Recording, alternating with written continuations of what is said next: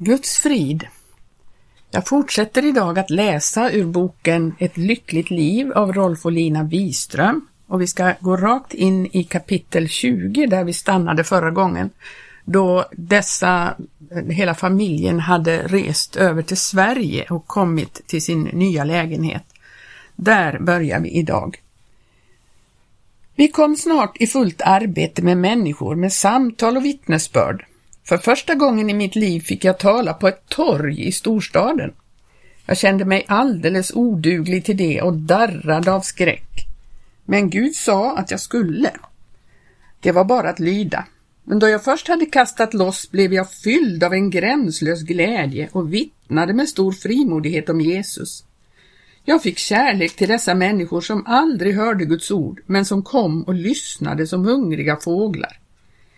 Efter mötena fortsatte samtalen på gator och kaféer. Vilket missionsfält! Vilken andlig nöd och hunger! Då några veckor hade gått hade vi några vänner hemma på min födelsedag. Det hade kommit ett tjockt kuvert. Då jag öppnade det såg jag att det innehöll pengar. Jag hade svårt att tro mina egna ögon. Det kändes så underligt i bröstet. Jag läste en hälsning dessa pengar är givna åt Jesus Kristus och skall förvaltas av er som den första grundplåten till ert hem i Sverige. Jag kunde inte vara inne hos de andra utan gick ut i badrummet. Alldeles tafatt stod jag där med handen full av tusen kronors sedlar. Jag ropade på Lina och bad henne komma. Utan ett ord räckte jag henne pengarna. Vi räknade dem. Det var femton tusen kronor mycket mer än vi någonsin hade ägt. Det var så mycket att vi inte kunde inregistrera det. Vi kände ingen stormande glädje. Det enda vi kunde säga var att vi så snart som möjligt måste tala med givaren för att tillsammans bedja till Gud och få klarhet över om detta verkligen var Guds vilja. Det gjorde vi nästa dag. Då fick vi känna att Guds maning och Guds kärlek låg bakom gåvan. Vi fick bokstavligen uppleva sanningen av Jesu egna ord. Ingen som för min och evangelisk skull har övergivit hus eller bröder eller systrar eller moder eller fader eller barn eller jordagods. Ingen sådan finns som icke ska få hundrafalt igen redan här i tiden. Hus och bröder och systrar och mödrar och barn och jordagods mitt under förföljelser och i den tillkommande tidsåldern evigt liv, som det står i Markus 10, 29 och 30. Vi blev förvånade och överväldigade när detta löfte uppfylldes. Men sen slutade vi att förvåna oss över att Guds ord talar sanning. Vi lärde att Gud står bakom sitt ord. Men vi lärde också en annan mycket viktig sak. Det går inte att spekulera i Guds löften. Det går inte att tänka så här, detta var verkligen ett lätt sätt att tjäna pengar på. Nu vill jag också försöka tro. Då tror man att pengarna ska komma som en sorts belöning för tron. Nej, sök först efter hans rike och hans rättfärdighet, så ska också allt detta tillfalla er, sa Jesus. Det vill säga, om man överlämnar sig helt åt Gud och kommer helt in i Guds plan med sitt liv, då behöver man inte bekymra sig för hur det ska gå med det materiella. Ursäkta mig.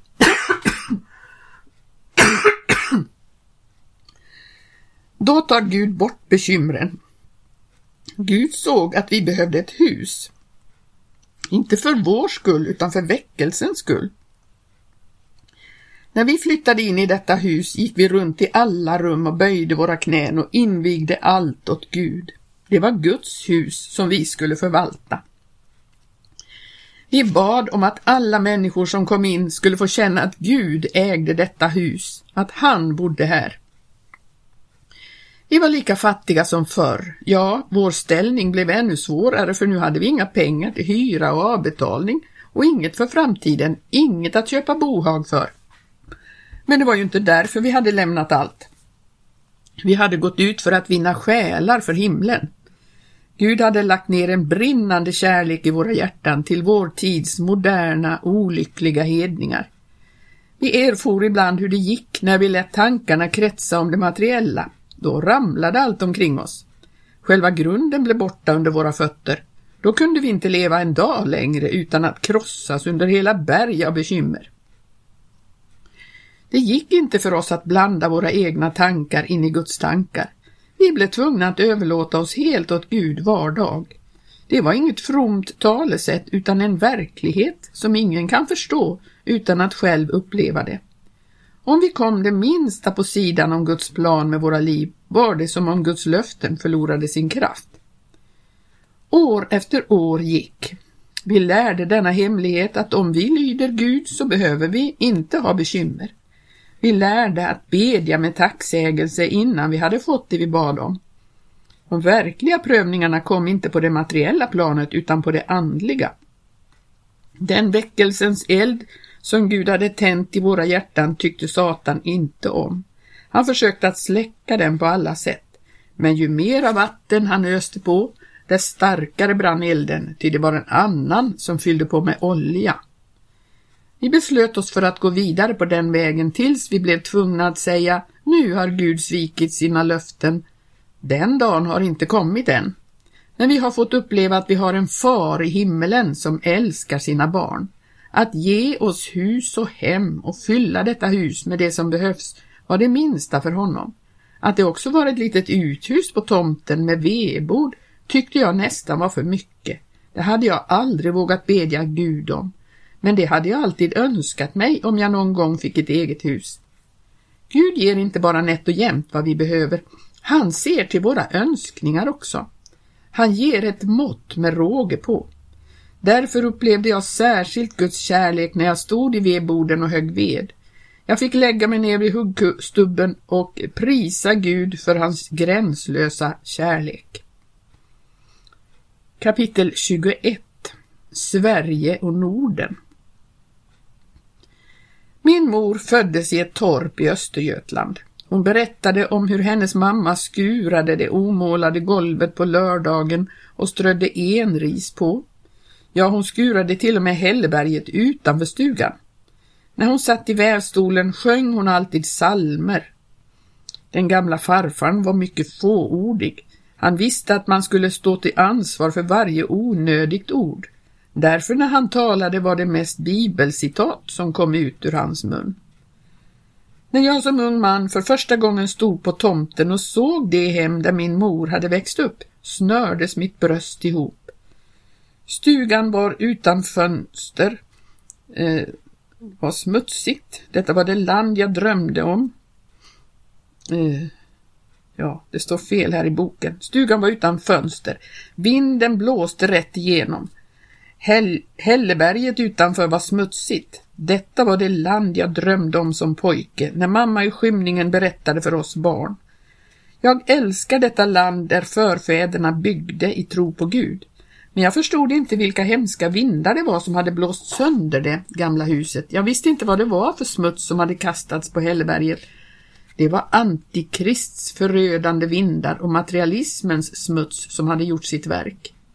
När jag stod där på tomten som en ung man hade dessa nedbrytande krafter redan börjat att verka i mitt eget hjärta. Jag förstod det inte. Jag trodde det var upplysning och frigörelse från de gamlas vidskepelse. Jag blev full av hat när jag tänkte på hur mina förfäder fick slita ont. Och det är sant, det var orättvist. Men nu hade allt ändrat sig, nu är levnadsstandarden och folkets upplysning mycket hög. Men psalmsången har tystnat. De gamla går inte med bibelord i sina mun. De antikristliga vindarna blåser ännu starkare än förr. Materialismen kväver det andliga livet i sitt järngrepp. Jag glömmer aldrig den dag då jag kom hem från universitetet full av nya idéer om en bättre ordning i världen. Då föll mina ögon på en tavla med bibeltext som hängde på väggen. Den hade alltid hängt där över sängen. Kasta alla era bekymmer på honom, ty han har omsorg om er. Jag gick bort och vände den runt för att slippa se bibelordet och jag sade onda ord om denna religion som har hållit människorna nere och hindrat dem från att kräva rättvisa och bättre villkor. Senare blev jag mer och mer fylld av hat mot själva kristendomen och jag sa en gång om jag får något att säga till om ska jag sköta om att kristendomsundervisningen kommer bort ur skolan. När pappa dog grät jag ofta om nätterna vid tanken på hur denne fromme man hade arbetat och knogat hela sitt liv för andra.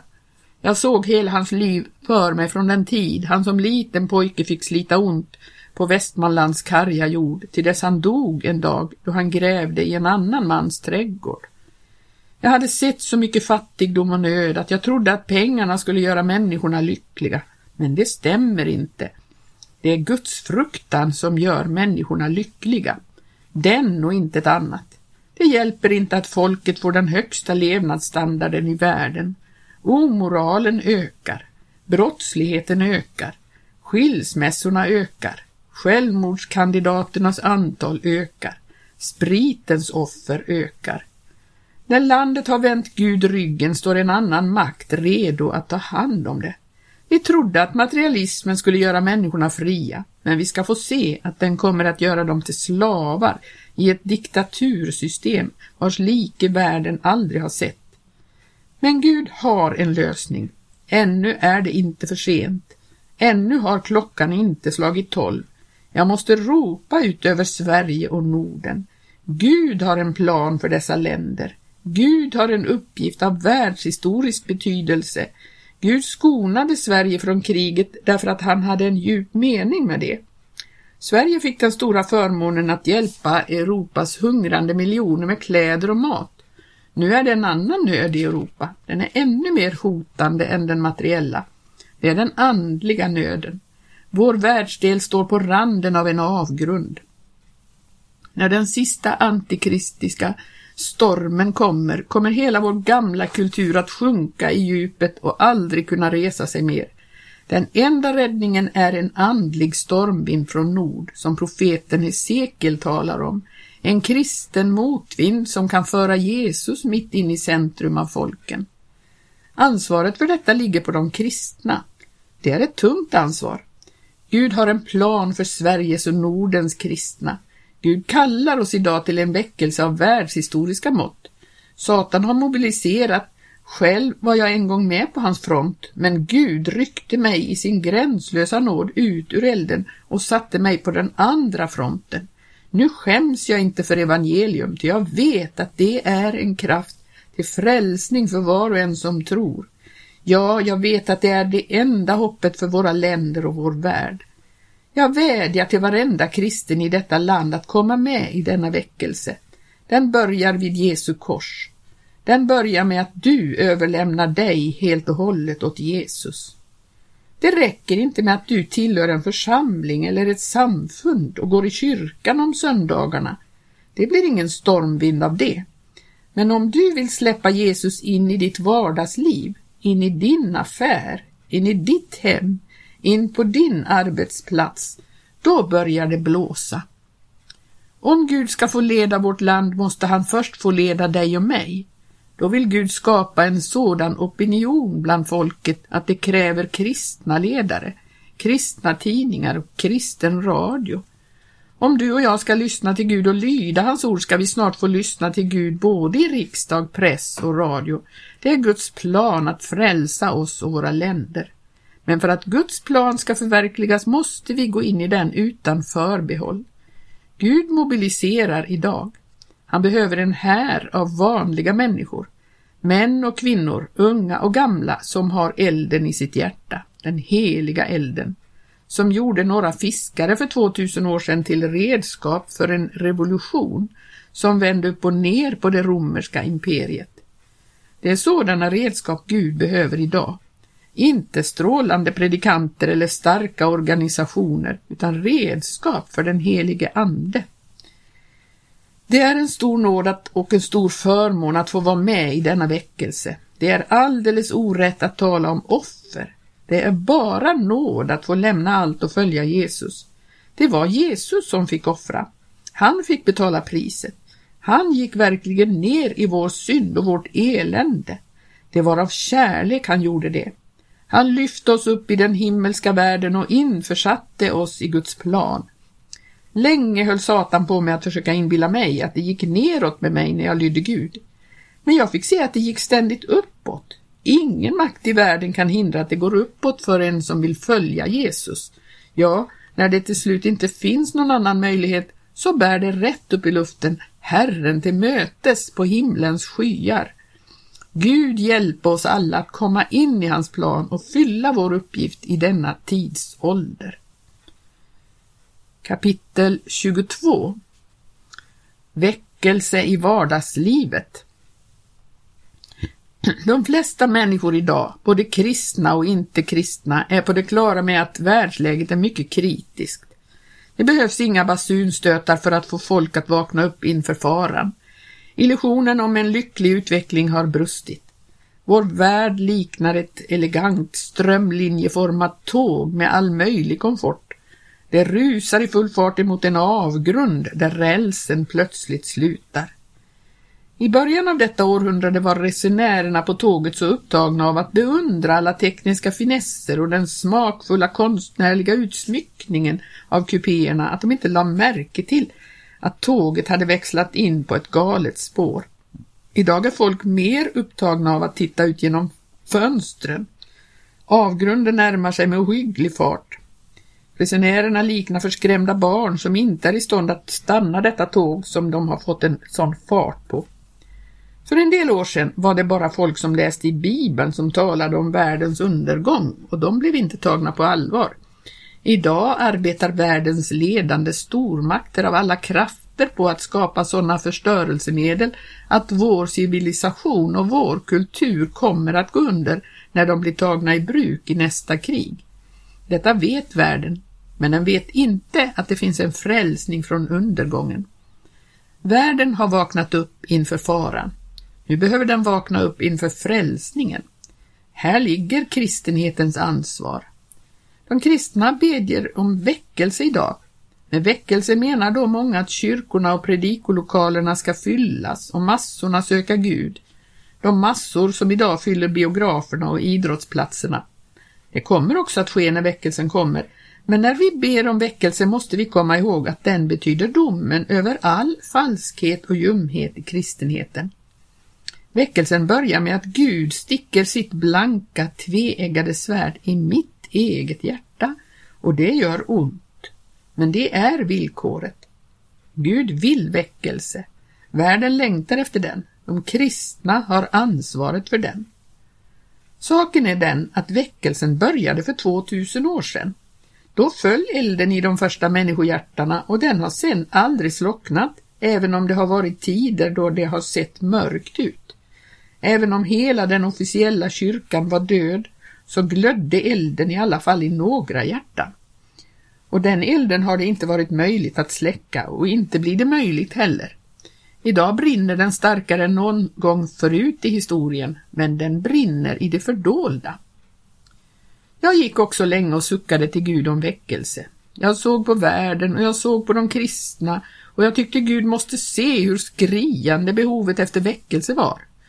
Jag gick år efter år och väntade på att det skulle ske något sensationellt, men då det inte skedde något började glöden att dö ut i mitt eget hjärta också. Jag såg så länge på människorna att jag förlorade tron. Och det är precis det som är den egentliga orsaken till att väckelsen dröjer med att komma. Vi ser på människor och på oss själva istället för att se på Gud. En dag var jag ute på en fisketur men jag fick inte någon fisk. Då tänkte jag på Petrus som förlorade tron för att väckelsen inte kom, fastän Jesus hade uppstått från de döda och hade visat sig för lärjungarna flera gånger och bett dem vänta i Jerusalem till dess de blev beklädda med kraft från höjden.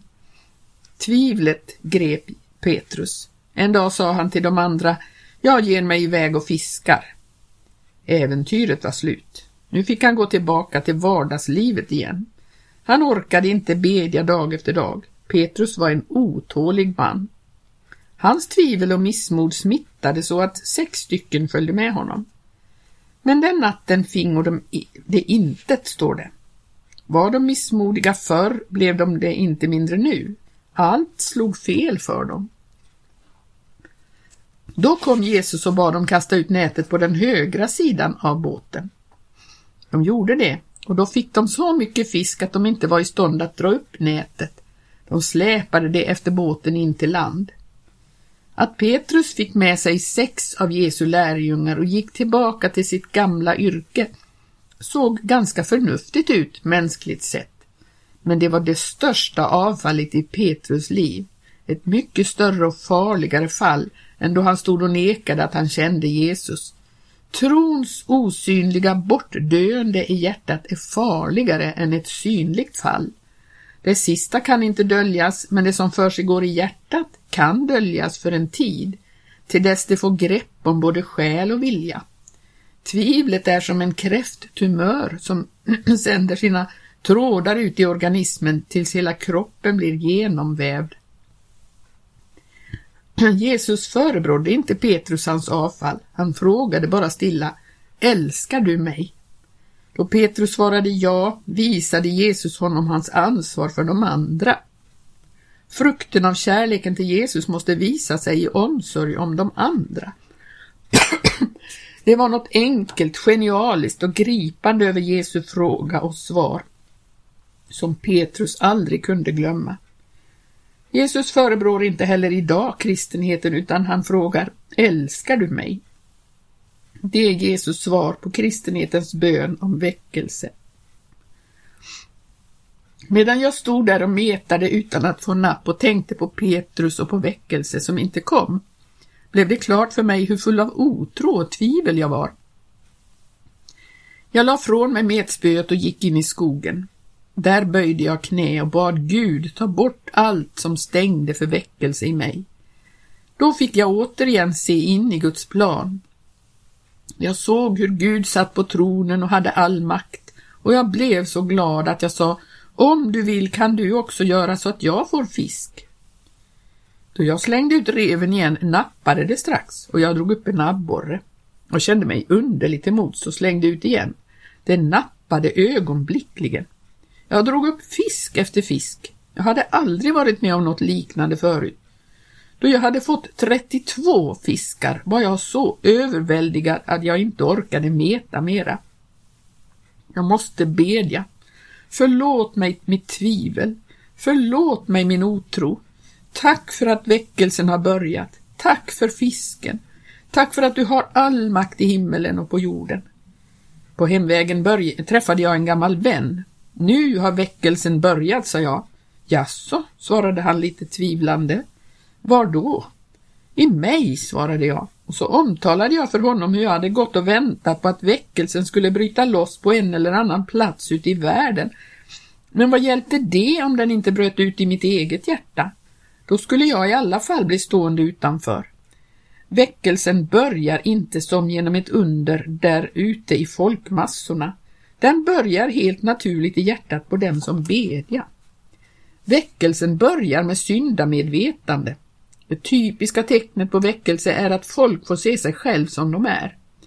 De får se sitt tillkortakommande, sitt hyckleri, sin kärlekslöshet, sitt högmod, sin synd. Allt detta som de har försökt att dölja både för sig själv och andra kommer fram i ljuset. Då blir de förtvivlade och söker Gud och de bekänner sin synd och får uppleva att Jesu blod renar från all synd. Jesus berättar om en publikan och en farisé i templet. Farisén hade mycket att tacka Gud för. Han var verkligen en bra människa. Inte var han rövare och inte var han äktenskapsbrytare och inte hade han tagit tjänst hos den romerska ockupationsmakten som den där föraktade publikanen. Dessutom fastade han två gånger i veckan och gav tionde av all sin inkomst. Men något möte med Gud fick han inte. Det följde inte väckelse med honom för han hade inte sett ner i fördärvets avgrund i sin själ. Gud talade till profeten Jesaja och sa men till den skådar jag ner som är betryckt och har en förkrossad ande och till den som fruktar för mitt ord. Publikanen hade gått till templet därför att han hade det svårt. Han kände sig så oren och ovärdig att han inte vågade gå fram till altaret. Han vågade inte ens lyfta ögonen mot himlen. Hans synd var uppenbarad för alla. Människornas förakt hade krossat honom. Gud, misskunda dig över mig syndare, sa han och slog sig för sitt bröst. Jesus sa om honom, denne gick hem igen mer rättfärdig än den andre. Ty var och en som upphöjer sig, han ska bli förödmjukad, men den som ödmjukar sig, han ska bli upphöjd. Publikanen inbjöd sina vänner som han visste hade det lika svårt som han själv. Så kom Jesus och åt med dem. Det blev väckelse i publikanens hem. Att väckelsen bland publikanerna var äkta visade sig däri att den öppnade penningpungen. Då är det allvar. Sackeus, som var förman för publikanerna och en rik man, sa då Jesus kom in i hans hus, Herre, hälften av mina ägodelar ger jag nu åt de fattiga och om jag har utkrävt för mycket av någon så ger jag fyra dubbelt igen. Det stannar vi för den här dagen och nästa gång ska vi läsa de allra sista eh, bladen i den här boken och eh, så hörs vi igen om en vecka.